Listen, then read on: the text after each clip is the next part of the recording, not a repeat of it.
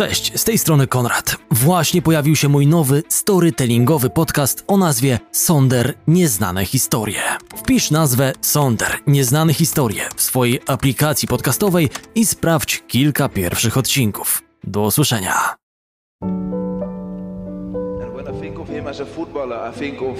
And puts his head where other players are scared to put their feet. That's Nemanja.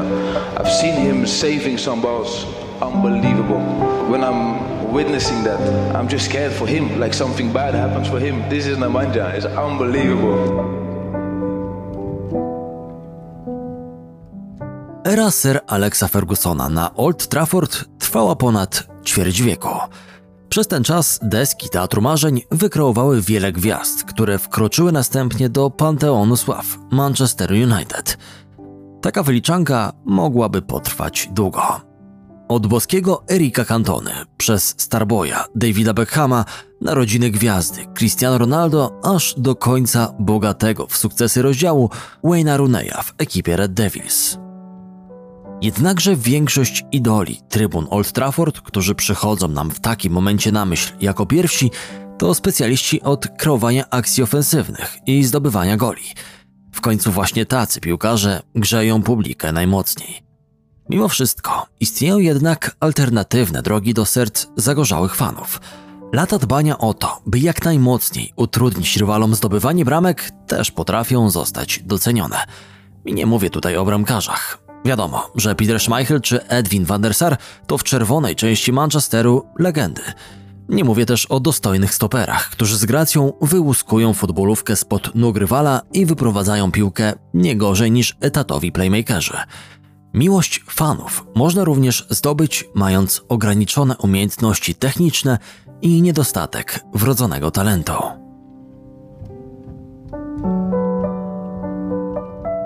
Ciężka praca na treningach, wielkie serducho do gry i cechy mentalne na ponadprzeciętnym poziomie potrafią przysłonić pewne braki.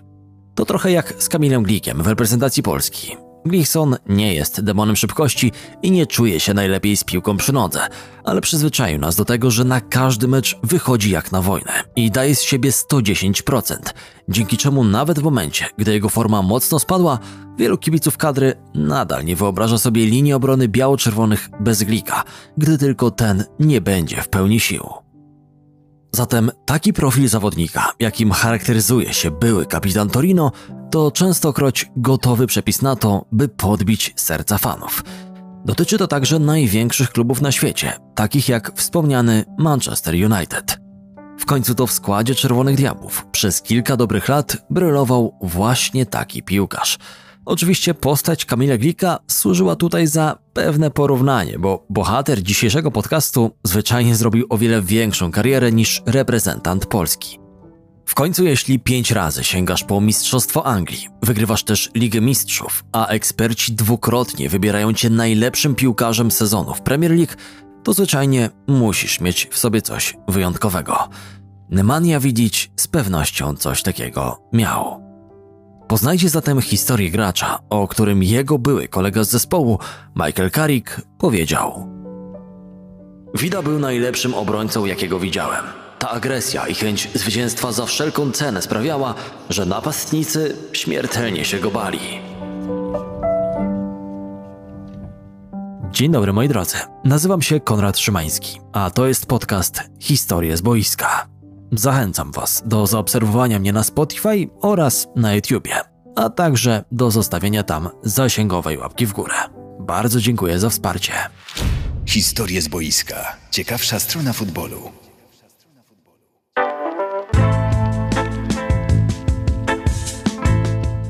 Nemanja Vidic przyszedł na świat w październiku 1981 roku w miejscowości Użyce, wówczas nazywającej się Titowo Użyce, na cześć ówcześnie rządzącego Jugosławią dyktatora Josipa Broz Tito. Swoją przygodę z piłką Nemanja rozpoczął w miejscowych klubach o nazwach Jedinstwo i Sloboda, gdzie trenował wraz ze swoim starszym bratem o imieniu Duszan. Jako piłkarskiego idola z dzieciństwa nie wskazuje żadnego pojedynczego piłkarza. Podkreśla za to, że duże wrażenie wywarła na nim drużyna Crvenej Zvezdy, która w 1991 roku sięgnęła po Puchar Europy Mistrzów Klubowych. Od tamtego momentu Nemanja został wielkim fanem Czerwonej Gwiazdy. Z piłką związani byli również jego dziadek i wujek, którzy jednak nie kopali futbolówki, lecz biegali po boisku z gwizdkiem. Wujek Widy kilkukrotnie sędziował derby Belgradu i jak wspomina sam bohater tego podcastu, wpoił mu zasadę, by zawsze szanować pracę arbitra. Młody Nemanja już w nastoletnim wieku wykazywał się sporym talentem, co zaowocowało tym, że jako niespełna 15-latek został wtoczony w tryby machiny szkoleniowej swojej ukochanej Crwenej Zwezdy. Jak wielu piłkarzy z jego pokolenia, pochodzących z terenów byłej Jugosławii, także i on został dotknięty piętnem wyniszczającej Bałkany wojny – był młodym piłkarzem u progu zawodowej kariery, gdy wojska NATO rozpoczęły bombardowanie Belgradu w ramach operacji Allied Force w 1999 roku. Tak wspomina tamten czas. Gdy zaczęło się bombardowanie Belgradu, wróciłem do rodzinnego miasta. Nie wiedzieliśmy, czego się spodziewać. Staraliśmy się żyć normalnie, ale to nie było łatwe. Gdy wyły syreny, chowaliśmy się do schronów. Nie czułem się, jakbym żył w strefie działań wojennych, ale moje miasto i tak zostało pięciokrotnie zbombardowane. Wiedzieliśmy, że bombardują cele strategiczne, jednak centrum telekomunikacyjne, na które spadły bomby, znajdowało się 200 metrów od mojego domu rodzinnego. Usłyszałem tylko wielką eksplozję. Na szczęście nic nikomu się nie stało. Nie interesuje się polityką, ale spadające bomby to smutny widok. Nie tylko w Serbii, lecz na całym świecie.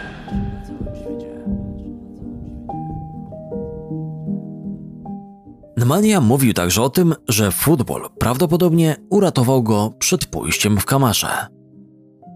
Przeszedłem wszystkie badania medyczne w jednostce wojskowej. Odesłali mnie do domu tylko dlatego, że miałem ze sobą zaświadczenie potwierdzające, że jestem piłkarzem Crwenej Zwezdy. Miałem skończone 18 lat i kwalifikowałem się do służby wojskowej, ale piłkarze, podobnie jak studenci, nie byli wysyłani na front. Serbia była bombardowana i wszystkim żyło się ciężko. Nie powiem, że to była dla mnie dobra edukacja, ale być może te doświadczenia mnie wzmocniły. Pokazały mi, jak ciężkie potrafi być życie. Kolejną trudną lekcję od życia Widic otrzymał dwa lata później, gdy był świadkiem tego, jak podczas treningu zasłabł jego przyjaciel z drużyny, dwudziestoletni Władimir Dimitriewicz. Młody piłkarz zmarł w drodze do szpitala. Przyczyną zgonu były problemy kardiologiczne. Nigdy nie zapomnę Wladę. Był nie tylko moim kolegą z boiska, ale również moim przyjacielem. Na zawsze pozostanie we mnie głębokie poczucie żalu, że nie ma go już ze mną. Chcieliśmy tylko grać w piłkę. Mieliśmy te same marzenia. Widok, jak zabierają go nieprzytomnego z boiska, był dla mnie wielkim szokiem. Nigdy tego nie zapomnę. Wspominam go szczególnie, gdy wybiegam na boisko, bo on także chciał to robić. Kiedy widzisz, że coś takiego przytrafia się bliskiej ci osobie, zaskoczenie nigdy nie minie. Ta sytuacja sprawiła, że w młodym wieku zacząłem myśleć o życiu i śmierci ale dzięki temu stałem się również bardziej zdeterminowany w dążeniu do celu. Nemanja nigdy nie zapomniał także o rodzinie zmarłego przyjaciela, wspierając ją finansowo w czasie swojej kariery. Ciężka szkoła życia, jaką Wida przeszedł, wchodząc w dorosłość, zahartowała go niczym stal i wyrobiła w nim niezłomny charakter, który cechował go w czasie dalszej sportowej drogi. Jako dziewiętnastolatek został wypożyczony do zespołu Spartak Subotica. W tym klubie Vidic pokazał dobitnie, że przeskok z piłki juniorskiej do dorosłego futbolu wcale go nie przeraża. Został ważnym ogniwem zespołu, a dodatkowo pokazał swój zadziwiający jak na obrońcę talent strzelecki, gdyż skończył sezon z sześcioma golami na koncie. Tak udana kampania ligowa sprawiła, że włodarze Trwanej Zwezdy nie mieli już wątpliwości, iż ich młody talent jest gotowy na grę w pierwszej drużynie. Nie sądzili zapewne jednak, że Wida momentalnie stanie się jednym z filarów zespołu. Umiejętności boiskowe Nemani w połączeniu z jego twardym charakterem na tyle zaimponowały sztabowi szkoleniowemu Czerwonej Gwiazdy, że niebawem młody stoper zaczął zakładać na swoje ramię opaskę kapitańską. W 2002 roku po raz pierwszy ubrał także trykot dorosłej reprezentacji Jugosławii, która rok później była już kadrą Serbii i Czarnogóry.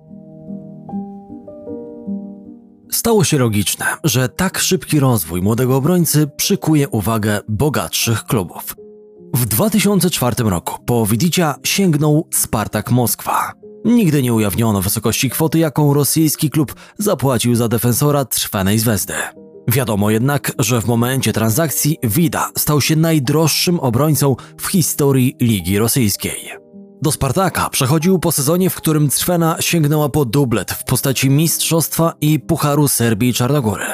Działacze moskiewskiego klubu także w krótkim czasie przekonali się o tym, że kwota, jaką wydali na swojego nowego stopera, to dobrze zainwestowane pieniądze. Nemanja także pod Kremlem zachwycał swoimi umiejętnościami i nie miał zamiaru na długo zakotwiczyć w stolicy Rosji. Spartak był po prostu kolejnym szczebelkiem na drabinie prowadzącej do świata futbolu z najwyższej półki. Dla moskiewskiej ekipy rozegrał raptem 41 spotkań. W Boże Narodzenie 2005 roku Manchester United oficjalnie ogłosił, że serbski piłkarz dołączy do zespołu prowadzonego przez Sir Alexa Fergusona.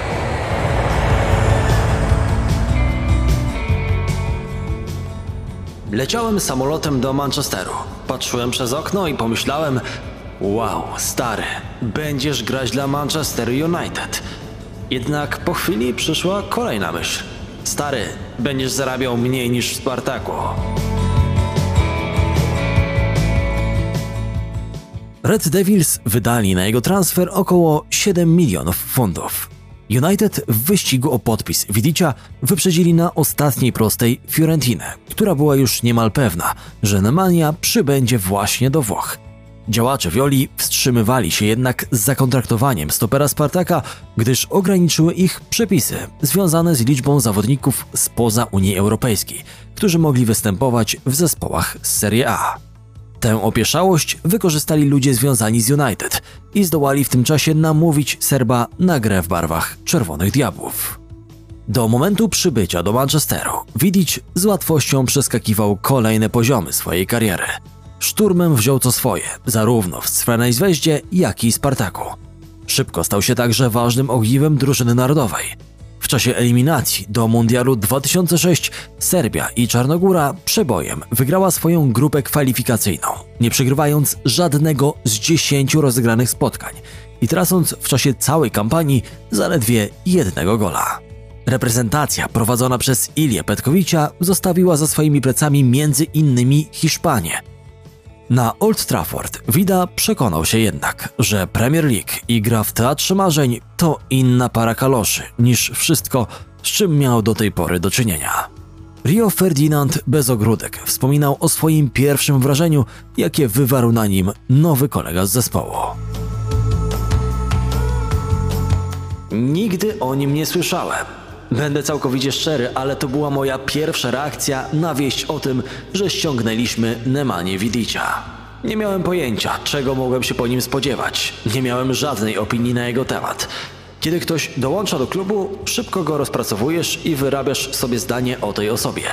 Z tego co ja widziałem na jego pierwszych treningach, Wida miał problemy i walczył, zwłaszcza fizycznie.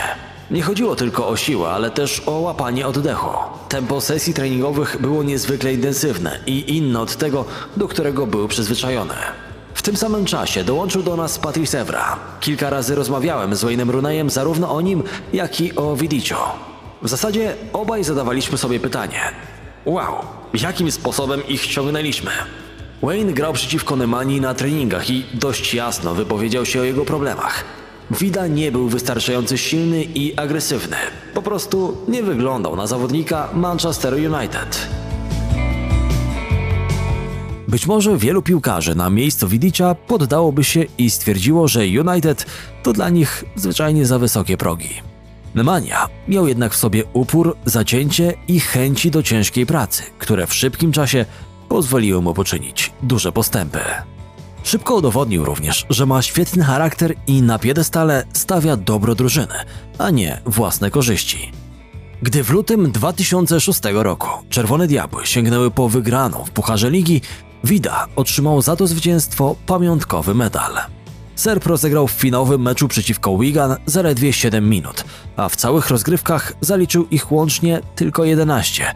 W związku z tym, po decydującym o trofeum meczu, podszedł do Giuseppe Rossiego, który nie zagrał w finale, ale za to odegrał ważną rolę w początkowych rundach Pucharu Ligi i dał mu swój medal, mówiąc: Masz, zasłużyłeś na niego bardziej niż ja.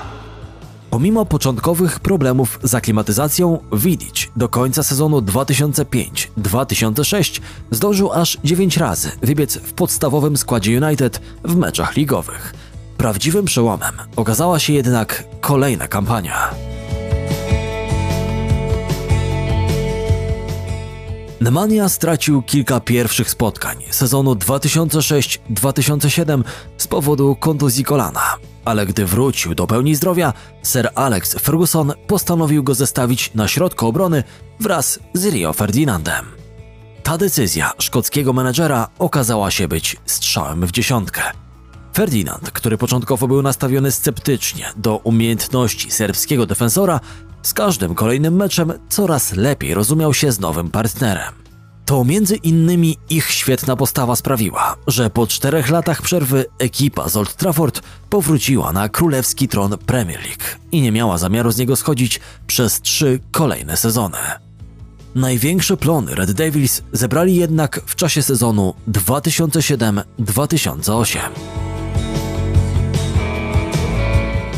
Większość kibiców wspomina tamten sezon przez pryzmat niesamowitej siły ofensywnej Manchesteru. Wszak tercet Cristiano Ronaldo, Carlos Tevez, Wayne Rooney zdobył wówczas łącznie we wszystkich rozgrywkach aż 79 goli. Jednakże linia obrony United również spisywała się kapitalnie, tracąc zaledwie 22 gole w 38 spotkaniach ligowych i tylko 6 bramek w 13 meczach Ligi Mistrzów. Środkowych obrońców w postaci Ferdinanda i Vidicia uzupełniali najczęściej na prawej obronie Wes Brown, a po lewej stronie Patrice Evra. Francuz dołączył do Manchesteru w tym samym okienku transferowym co Vida. Dwa lata później oba te zimowe nabytki Czerwonych Diabłów stanowiły ważne ogniwa w pracującej bez zarzutu maszynce do wygrywania trofeów stworzonej przez Alexa Fergusona. Historie z boiska. Ciekawsza strona futbolu. We wspomnianym 2008 roku łupem Red Devils padła zarówno Liga Krajowa, jak i Champions League. Z finału tych drugich rozgrywek, w którym Manchester United pokonał po rzutach karnych Chelsea, wielu fanów futbolu zapamiętało Widicia najbardziej, jako tego zawodnika, który pod koniec dogrywki został spoliczkowany przez Didiera Drogbę, za co Iworyjczyk obejrzał czerwoną kartkę.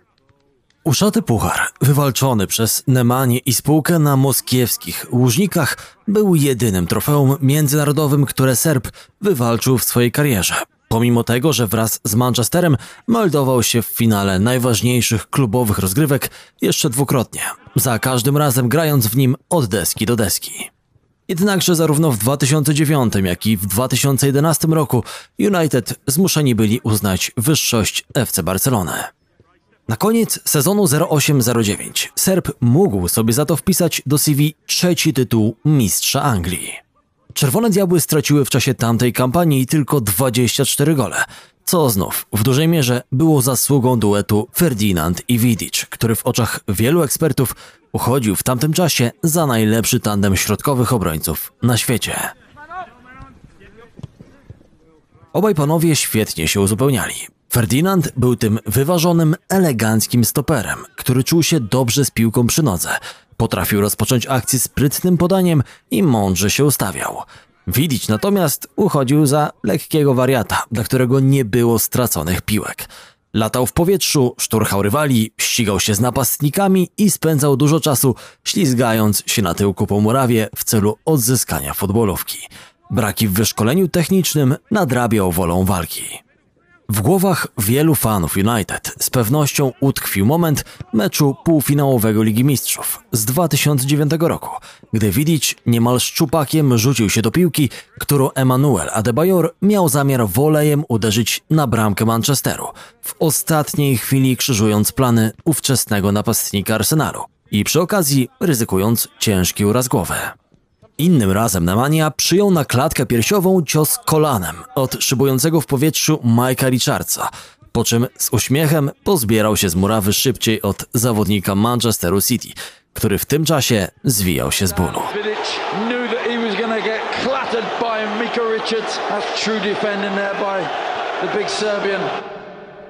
Serb wielokrotnie kończył mecz z pokiereszowaną głową, owiniętą bandażami lub z tamponem włożonym do nosa. W skrajnych przypadkach również z brakami w uzębieniu. To poświęcenie i krew przelana na boisku za swoją drużynę sprawiły, że obrońca rodem z Bałkanów skradł serca kibiców Red Devils.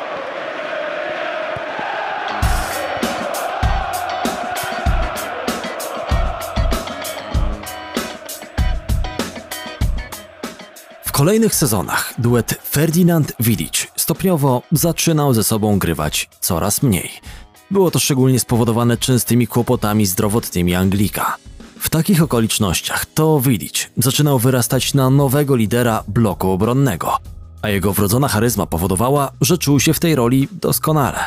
W lipcu 2010 roku podpisał z Czerwonymi Diabłami nowy kontrakt, ucinając wszelkie spekulacje i plotki, które łączyły go z Realem, Milanem czy też Liverpoolem. Był to kolejny dowód wierności i miłości Serba do klubu z Old Trafford. Dowód, który niedługo później został nagrodzony uczynieniem z widy kapitana Manchester United. Nemanja przejął opaskę po dobijającym do końca swojej kariery Garym Neville'u. Ten wyraz uznania jeszcze bardziej napędził serbskiego stopera, który w sezonie 2010-11 znajdował się w fenomenalnej dyspozycji. Czerwone Diabły po roku przerwy znów sięgnęły po mistrzowskie berło, a Vidic, tak samo jak w 2009 roku, został uznany najlepszym piłkarzem sezonu Premier League i znalazł się w 11 roku FIFA. Niestety, ryzykowny styl gry, który nie pozwalał Serbowi odstawiać nogi w żadnej sytuacji, musiał siłą rzeczy sprawić, że w końcu i Nemanje zaczęły prześladować urazy. Po kapitalnym sezonie 2010-11 w wykonaniu Widy, kolejna kampania została przez niego niemal w całości stracona z powodu permanentnych kontuzji, przez co Vidic pojawił się na murawie zaledwie 10 razy we wszystkich rozgrywkach. Zerwane więzadło krzyżowe w meczu z Bazyleą w Lidze Mistrzów wykluczyło go z gry aż na 8 miesięcy.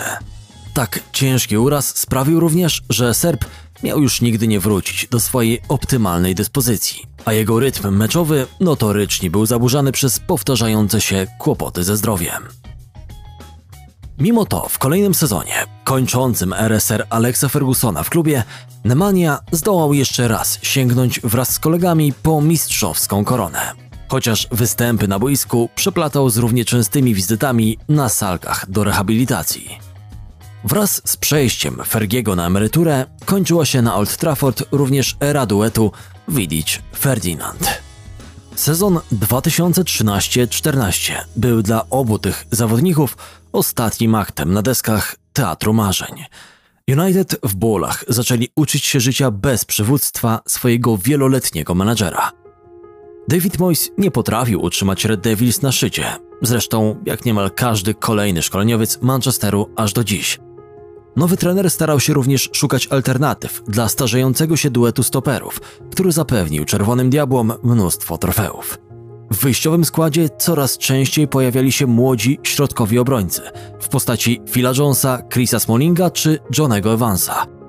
Żaden z nich jednak nigdy nie zdołał się zbliżyć do poziomu prezentowanego przez Widicia czy Ferdinanda w szczytowej formie. Chyba nie będzie przesadą, jeśli powiem, że przez kolejną dekadę na Old Trafford nie widzieliśmy stopera, który zapewniłby Red Devils taki spokój w tyłach, jak wspomniany tandem. David Moyes nie zdołał wyjść w buty swojego legendarnego rodaka. Szkot w Teatrze Marzeń nie wytrzymał nawet roku. Latem 2014 roku Rio Ferdinand podpisał kontrakt z QPR. Nowy rozdział w swojej karierze chciał również rozpocząć bohater tego podcastu. Nie miał zamiaru iść jednak drogą, którą obrał jego wieloletni partner ze środka obrony i pozostać w Anglii. Szybko uciął wszelkie spekulacje, oznajmiając – Nie rozważam pozostania w Anglii, bo jedynym klubem, w jakim chciałem tutaj grać, jest Manchester United. Ostatni raz w koszulce Czerwonych Diabłów Vida wystąpił 6 maja 2014 roku w wyjazdowym starciu z Southampton. Ten mecz stał się niejako symbolem niemal 9 lat, które Serb spędził w United. Widzić kończył go z zakrwawioną twarzą po tym, jak otrzymał cios łokciem od Rickiego Lamberta. Była to ostatnia krew, którą Nemanja przelał za ukochany klub. Kilka tygodni później podpisał kontrakt z Interem. W Mediolanie, nękany kontuzjami, nie potrafił jednak wywalczyć sobie mocnej pozycji. Szczególnie w momencie, gdy Waltera Mazzariego na stanowisku szkoleniowca zastąpił Roberto Mancini, który nie widział dla niego miejsca w swojej drużynie, woląc stawiać na duet stoperów Ranocchia Juan Jesus. W barwach Nerazzurich zagrał łącznie tylko 23 razy, nim w styczniu 2016 roku ogłosił, że kończy karierę. Gdy trafiłem do Interu, klub przechodził wiele przemian. Być może nawet więcej niż Manchester United. Jego szeregi opuścili ważni gracze, jak Cambiasso, Diego Milito i Javier Zanetti. Były wielkie oczekiwania wobec mnie i bardzo starałem się im sprostać, ale miałem problemy od samego początku. Graliśmy trójką z tyłu i ja byłem ustawiony na środku. Nie lubiłem tej roli i przypisanych jej zadań. Dawno nie grałem w takim systemie. Próbowałem się dostosować, ale nie umiałem. Potem do klubu przybył Mancini. Nie mieliśmy dobrych relacji. Nie grałem w ogóle przez dwa czy trzy miesiące. W dodatku nękałem mnie kontuzje. To w zasadzie cała historia. Opowiadał o swoim włoskim epizodzie Widzić. Przygoda z reprezentacją Nemanja zakończył już w 2011 roku. Jego decyzja była spowodowana falą krytyki, która spadła na niego po tym, gdy kadra Serbii nie zdołała zakwalifikować się na Euro 2012. Nie żałuję tamtej decyzji. Nie była impulsywna. Dojrzewałem do niej. Nie miałem dobrych relacji z serbskimi mediami. Niektóre z nich pisały o mnie rzeczy, które nie były prawdą. Miałem tego dość i zdałem sobie sprawę, że nic nie mogę z tym zrobić. Media były jednym z powodów tej decyzji, chociaż były też inne.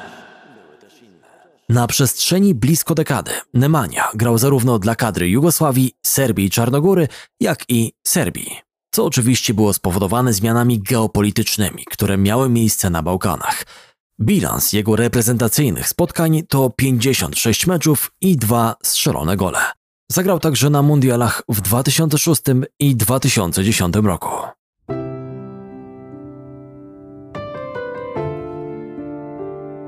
Po zakończeniu kariery Widić wielokrotnie był wspominany w kontekście osoby, która mogłaby objąć stery Serbskiej Federacji Piłkarskiej i zaprowadzić w niej w końcu porządki. W takiej roli Widicia widział między innymi jego były kolega z reprezentacji i imiennik Nemanja Matic. W 2020 roku Matic apelował za pośrednictwem serbskich mediów, by to właśnie były obrońca Manchesteru wcielił się w rolę reformatora, skorumpowanego i powiązanego z organizacjami przestępczymi związku.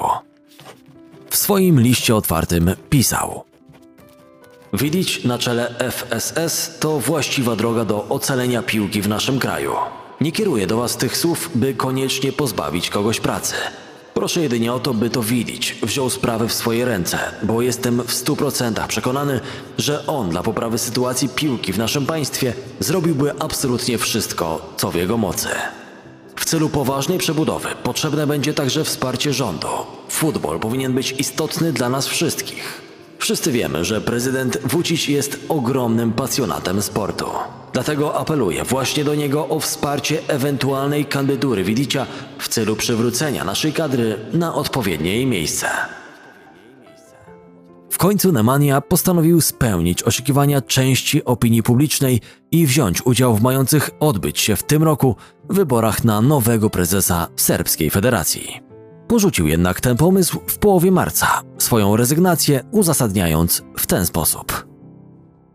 Nasza piłka nożna stoi przed dużymi wyzwaniami. Jest wiele rzeczy, które należy w niej poprawić, a moim celem było zebranie zespołu fachowców, którzy sprostaliby temu zadaniu. Niestety, na każdym kroku dawano mi do zrozumienia, że nie otrzymam takiej szansy. Ostatecznie nowym prezesem FSS została legenda jugosłowiańskiej piłki Dragan Djajic. Sęk w tym, że 77-letni już Djajic zmaga się z problemami zdrowotnymi i w powszechnej opinii uważany jest za kukiełkę, którą sterować będą ludzie związani z rządzącym Serbią prezydentem Aleksandrem Vuciciem. Swego czasu Djajic był zresztą oskarżany o malwersację pieniędzy z transferu Nemanje Vidicia, gdy sprawował jeszcze funkcję prezesa Crvenej Zvezdy. Z zarzutów oczyścił go poprzedni prezydent Serbii, Tomislav Nikolic, od bałkańskiej klimaty. Zatem póki co Vidic nie wcielił się w rolę czyściciela stajni Augiasza, nazywanej też serbską piłką. Może to i dobrze. Mnóstwo piłkarskich pomników padło w momencie, gdy byli gracze zaczynali się wcielać w rolę działaczy lub wchodzili w świat polityki. Wolimy zapamiętać Wida jako tego nieustraszonego obrońcę, który nigdy nie pękał na robocie. Jako faceta, który w barwach Manchesteru sięgał po cztery mistrzostwa Anglii i triumf w Lidze Mistrzów, a koszulkę Red Devils przywdziewał równe 300 razy. Jako bramkostrzelnego stopera, który pokonywał golkiperów rywali ponad 50 razy i zdobywał liczne wyróżnienia indywidualne. I w końcu jako faceta, który przybywał do Anglii z łatką wyrobnika z peryferii europejskiej piłki, a opuszczał Premier League w roli legendy. Niech o drodze, jaką przebył Nemanja, świadczą słowa Rio Ferdinanda, który przecież powątpiewał w talent Serba na początku jego przygody z klubem z Old Trafford. Co do powiedzenia na temat Widicia reprezentant Anglii ma obecnie? Stał się obrońcą, przed którym rywale czuli strach. Walczył z najsilniejszymi przeciwnikami, atakował ślizgiem, starał się odzyskać piłkę w sposób bardziej zaciekły niż ktokolwiek, kogo wcześniej widziałem. Sam jednak może ci powiedzieć z uśmiechem na ustach, że wbrew powszechnej opinii potrafił też grać piłką, co czyniło go obrońcą kompletnym.